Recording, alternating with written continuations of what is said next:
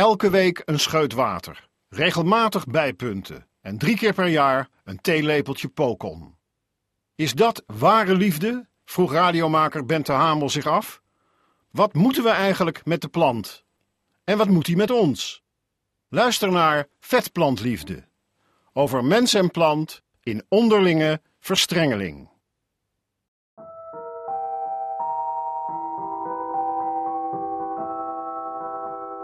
Het was op de ochtend van zijn 54ste verjaardag dat Ronnie besloot zijn baan op te zeggen en de rest van zijn leven te wijden aan zijn vetplantverzameling.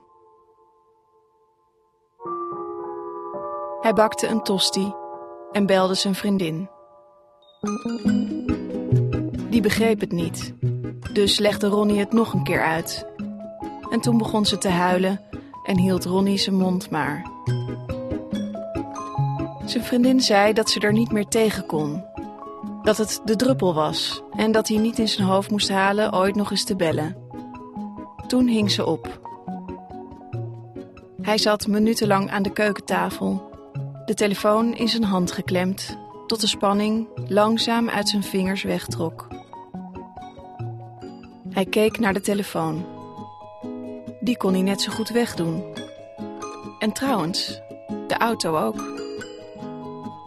Een groot gevoel van opluchting maakte zich van hem meester.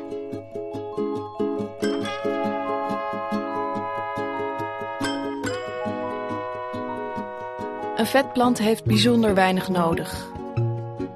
Hij doet het goed op arme, zanderige grond. En hoe minder water je hem geeft, hoe mooier hij bloeit. Zo was het ook met Ronnie. Sinds hij leefde op drie borden muesli per dag, voelde hij zich fitter dan ooit. Met grote voortvarendheid had hij zijn woning aangepast aan zijn nieuwe levensvervulling. In de woonkamer stond een lange kweektafel vol met kleine, bolvormige plantjes. De litops, ook wel bekend als levende kiezelstenen. Voor de watercrassula's had hij zijn badkamer opgeofferd. De keuken was het domein van de muurpepers. En naast zijn bed verzorgde hij zijn meest dierbare exemplaar, de Sedum hintoni. Liefdevol noemde hij haar Seth. Het was een zeldzame klimplant uit Mexico met lange, sierlijke grijparmen. De Sedum hintoni komt voor in kloven, waar het klam is en donker. Seth gedijde goed in de schemer van Ronnie's slaapkamer.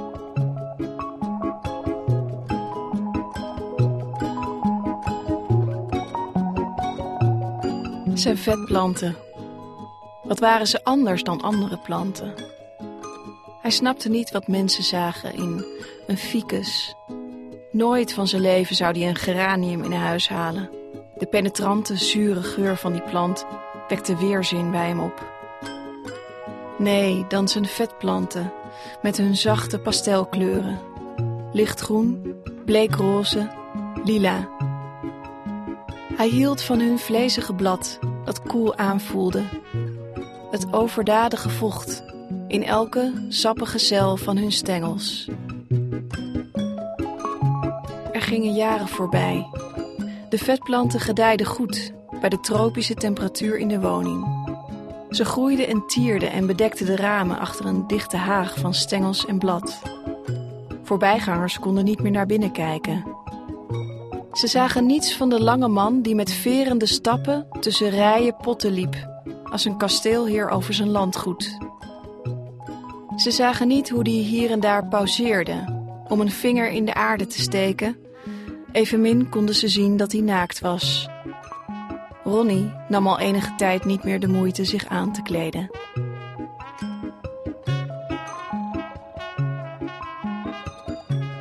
Het was op een warme septembernacht dat Ronnie wakker werd in opgewonden staat. Slaperig tastte hij onder het laken en schrok. Hij voelde dat er iets rond zijn dijbeen was gestrengeld. Het streek haast onmerkbaar langs zijn geslacht. In het eerste licht van de dag zag Ronnie dat het Zet was. Zijn liefste plant uit de kloven van Mexico. Haar lange armen had ze uitgestrekt over de rand van het bed. Haar kleine bladeren waren overal. Zilvergroen, bedekt onder een dons van transparante haartjes.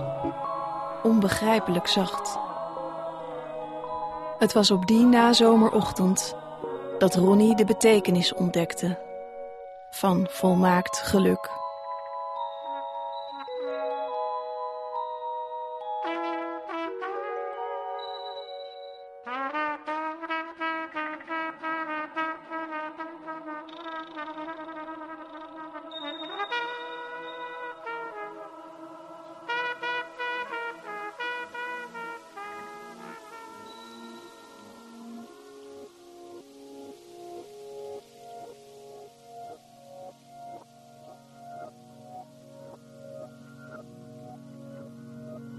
Compleet in de steek gelaten stond deze plant met zijn kronkelige takken ineengestrengeld aan de kant van de weg. Ik heb hem tijdens het fietsen tegen mijn schouder aan laten leunen en hield hem niet tegen toen hij met zijn bladeren in mijn gezicht kriebelde. Nu staat hij naast me, met zijn voeten in de verse aarde.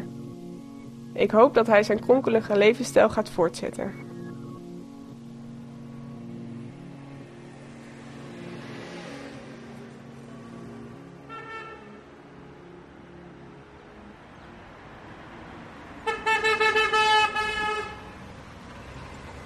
Ik was aan het fietsen en toen zag ik um, zo'n grote grijze container staan en er stak een palm uit.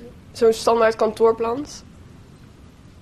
Eerst keek ik weg en toen keek ik weer terug. En toen dacht ik, hè? Hoezo zit die plant in die container?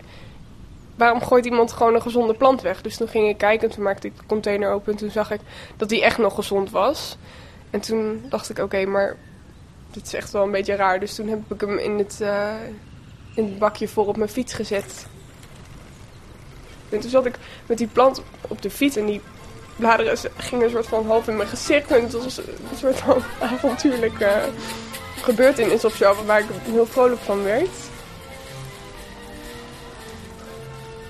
Rachel is net in de stad komen wonen en ze is in de stemming voor iets nieuws. Tijdens de wiebelige fietsrit naar huis krijgt ze een idee. Waarom begint ze geen plantenasiel? Wil je je plant wegdoen, stop dan onmiddellijk, want ik wil hem graag komen ophalen. En dan had ik er nog bij gezet van, ook al is die oud of jong of half dood of levend of met bloemen of met zonnebloemen, het maakt niet uit. Ik kom hem, ik kom hem graag bij ophalen. Ze hangt haar poster in een paar cafés in de buurt. En niet lang daarna krijgt ze haar eerste e-mail. Een meisje schrijft dat haar oma, die cactussen verzamelde, net is overleden. De familie weet niet wat ze met de planten aan moet. En toen kwam ze samen met haar vader al die planten brengen. Waren echt hele oude, soort van, ook van viezige cactussen. Maar heel bijzonder. Echt van die planten die ik echt nog nooit had gezien. Ook echt. Ja. Maar sommige cactussen ook, die waren al half dood. Dat aan het begin van de takken was het al helemaal een soort van geel, bruin en helemaal soort van leeggelopen. En de topjes van de cactussen waren nog groen en daar zaten nog stekeltjes aan. Dus echt heel mooi, heel mooi. Echt precies wat ik bedoelde eigenlijk met die gekke mooie oude planten. Dat, die kreeg ik toen opeens. Het plantenasiel is een succes. Rachel's verdieping in Amsterdam-West wordt steeds voller. De ene na de andere plant wordt de trap opgedragen. Afdankers, waar geen plek meer voor is. Scheefgroeiers, met doorgeschoten stengels, gemene stekels en kale plekken. Wat Rachel betreft is het hoe vreemder, hoe beter. Ik zie planten als eigenzinnige, levende dingen. Ze dansen zeg maar niet naar de pijp van de mens. En dat vind ik heel leuk aan een plant. In de winkel zien alle planten er hetzelfde uit en ze zijn dezelfde grootte en zijn helemaal een soort van nieuw en opgekweekt. Maar dan zet je ze thuis neer en thuis zijn er niet die omstandigheden zoals in de kast. Als jij de plant niet genoeg water geeft, dan wordt hij dus anders dan als je hem wel heel veel water geeft. Dus dat vind ik heel mooi. Dat dan toch weer de natuur terugkomt of zo. Een kamerplant is net een poedel. Zo'n poedel kan je ook mooi wassen en scheren en helemaal netjes maken. Maar een dier is gewoon een dier. En als die buiten een vogel ziet en hij, dan gaat hij gewoon door de modder heen rennen. Dat kan je gewoon niet tegenhouden. Is er iemand die weet hoe je een bonsai temt? Of misschien iemand die zichzelf wil gaan inleiden in de wonderenwereld van kleine boompjes? Wie, oh wie, zou deze wat verwaarloosde, maar toch hele mooie Dracena van ongeveer 2,20 meter willen adopteren? 29 grote kantoorplanten in Zwolle. Is er toevallig iemand die al deze planten in één keer wil adopteren? In de jaren dat het plantenasiel bestaat, hebben honderden planten een nieuw huis gevonden. De laatste tijd doet Rachel het via een Facebookpagina, waar plant en adoptiehuis elkaar makkelijk kunnen vinden. Rachel verzorgt haar planten nog altijd met aandacht, hoe krom, oud of verschrompeld ze ook zijn. Maar ze is geen moeder Teresa. Er zijn grenzen. Sommige planten zijn die kun je dan op een goede plek neerzetten en die kan je water geven, maar toch willen ze dan niet. En dan kan ik ze ook heel irritant vinden, want dan denk ik ja, maar die andere plant doet het gewoon wel heel goed hier, dus hoezo doe jij het niet? Zoals laatst nog met die avocado-plant. Volgens mij heb ik hem gewoon uit zijn pot getrokken en dan de stengel doorgeknakt. En dan in de vuilniszak gepropt. Ja. Het is gewoon zonder genade gaat het dan.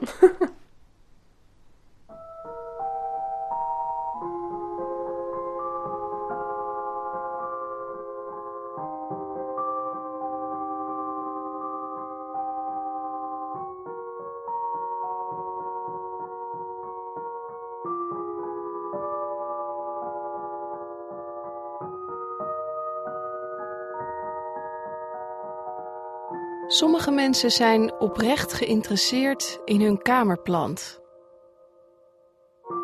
De meeste niet. Wij mensen zijn toch vooral geïnteresseerd in onszelf. Het summum van de schepping. We leven op de aarde met miljoenen soorten. En toch, als je onze boeken leest en onze films ziet, dan lijkt het of we de enige zijn waar het echt om draait. Ik sprak erover met een stijlvol geklede striptekenaar in zijn werkkamer in Haarlem. Hij tekent graag honden en katten. Van de mensheid heeft hij geen hoge pet op. Mensen zijn niet erg interessant, zei hij.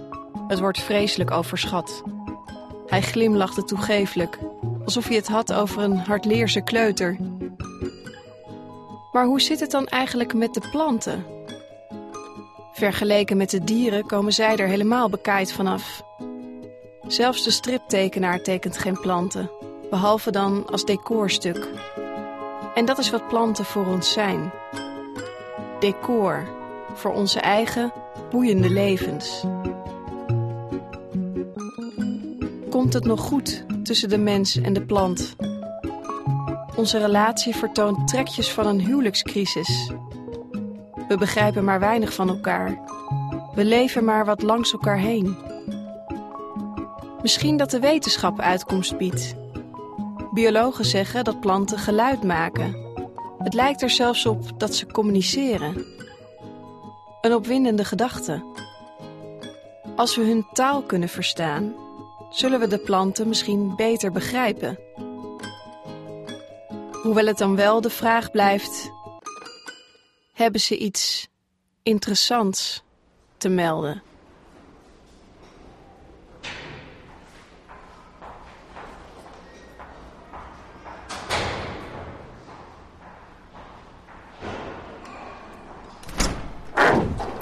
Пойдем, начнем. Начинаем, да? Вы записываете свой... Э, все? Да, ну хорошо. Ну, пойдемте. Это наша университетская оранжерея. Welkom, uh, dit is uh, onze universiteitskas.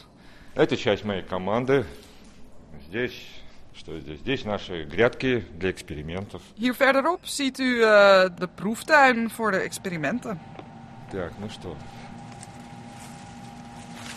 Мы работаем с молодыми побегами кукурузы. Wij werken met jonge maisplanten. Так, ну что. А ну пойдемте к компьютеру. Zullen we, zullen we even naar de computer toe lopen? Дальше. Идея, над которой мы работаем, она, она проста. Het idee waar we aan werken is heel simpel. Она гениальна в своей простоте. Het is eigenlijk geniaal in haar simpelheid. Так, вот эти провода, они идут от э, растения. Kijk, deze, вот, deze вот snoeren туда. die lopen van de plant eh, eh, daarheen, naar de computer toe. Мы работаем с очень э, маленькими микрофонами. Вот смотрите. We вот werken этот met микрофон. Видите, minuscule microfoontjes. Ziet u hier hoe klein deze is? Микромалюсенький. Echt heel klein. Я беру микрофон Ik pak deze microfoon вот здесь сюда и прикрепляю его en monteer hem vast вот, op het blad van de plant. вот таким образом. Так, где мои щипчики? Met een pincet monteren we op het blad het kleine microfoontje.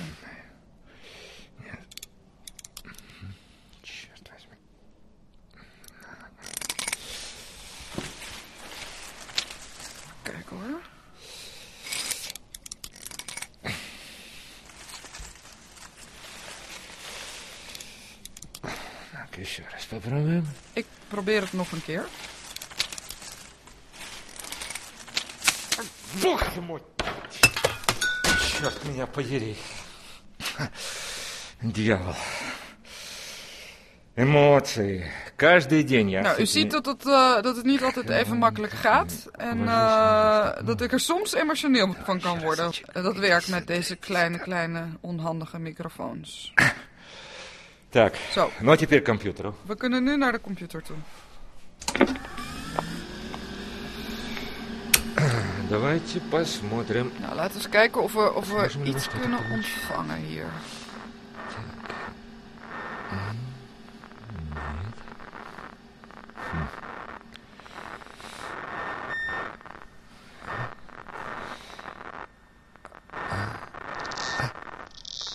А вот он. Ja, ik heb iets.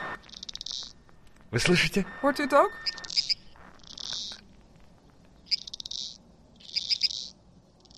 Так как растения используют... Тогда что мы делаем? Wat Мы gebeurt с er nou помощью eigenlijk? Hè? компьютера Omdat een plant op een hele hoge hoogte geluid maakt, is een menselijk oor niet in staat om het eh, te ontvangen.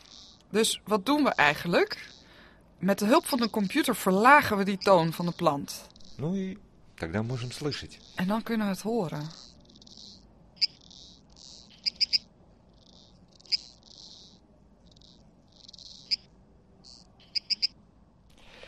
Я покажу, как реагирует растение в ситуации стресса. Ik zal demonstreren hoe planten reageren in stresssituaties. Для этого я беру ножницы, Hiervoor pak ik een schaar. беру лист растения Ik neem het blad van de plant и делаю маленький надрез. en ik maak er een knip in. Вот так вот. А, вы слышите? Hoort u? Реакция на стресс. Wat u hoort is de reactie op stress van de plant. Если я еще раз стригану. Ik maak nog een knipje.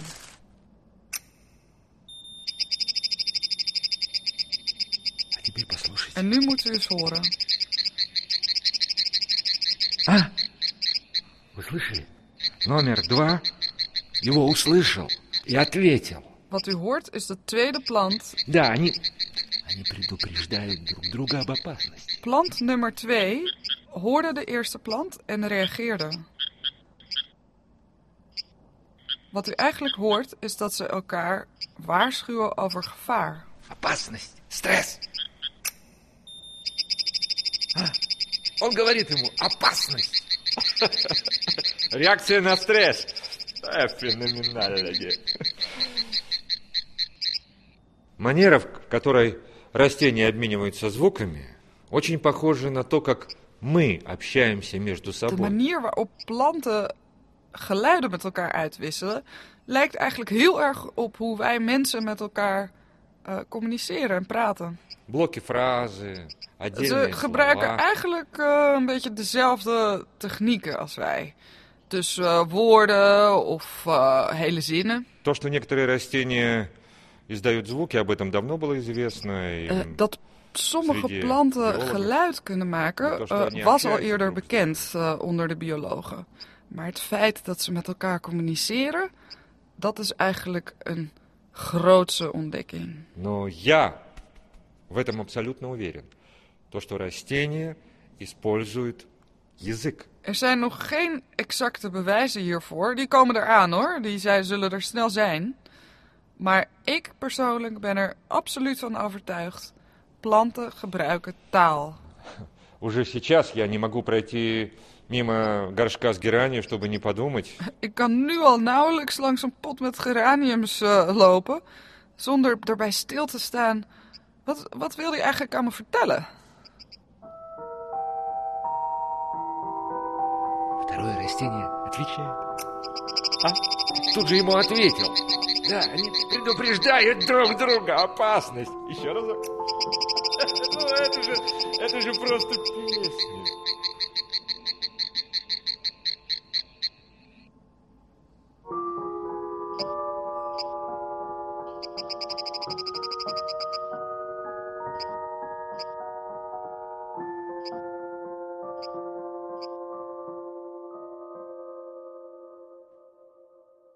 Hij weet hoe mijn haar zit als ik uit bed kom. Hij weet hoe ik een roerei bak. Hij kent mijn vrienden, mijn drinkgewoontes. De lidcactus. Ik kreeg hem toen ik twaalf was. Een stekje. Van mijn kinderkamer verhuisde die mee van huis naar huis.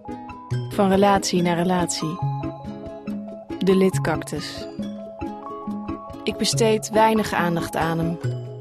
Hoog bovenop de kast bij het raam staat hij stof te vangen. Als het te veel wordt, zet ik hem onder de douche. Dat is hoe ver mijn liefde gaat voor deze plant met wie ik, langer dan met welke man ook, mijn huis deel. De lidcactus. Wat vindt hij er eigenlijk van zijn dagen te slijten in een hoekje van mijn woonkamer? Sommige biologen beweren dat planten kunnen spreken, maar op enig oordeel heb ik hem nooit kunnen betrappen. Roerloos staat hij in zijn pot.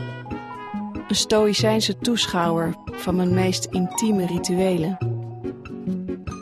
Laatst, op een onbewaakt moment, leek het of er een schaduw over me heen viel. Ik keek omhoog en zag een vlezige tak van de lidcactus die als een grote groene hand boven mijn hoofd zweefde. Mijn plant, met zijn mannelijke naam, is al lang geen stekje meer. Hij eist ruimte op. Millimeter voor millimeter legt hij beslag op mijn woonkamer, met een botanisch soort van machtsvertoon.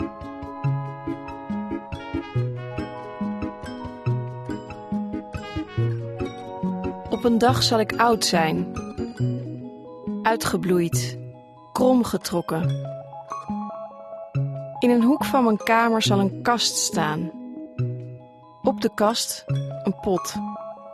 En in die pot een woudreus op woonkamerformaat. Met de kruin tegen het plafond geperst.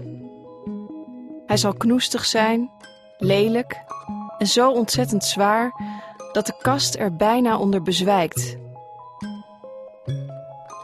de lidcactus en ik. Samen zullen we onze dagen slijten. Hij ademt mijn koolzuurgas, ik zijn zuurstof. Tot de dood ons scheidt.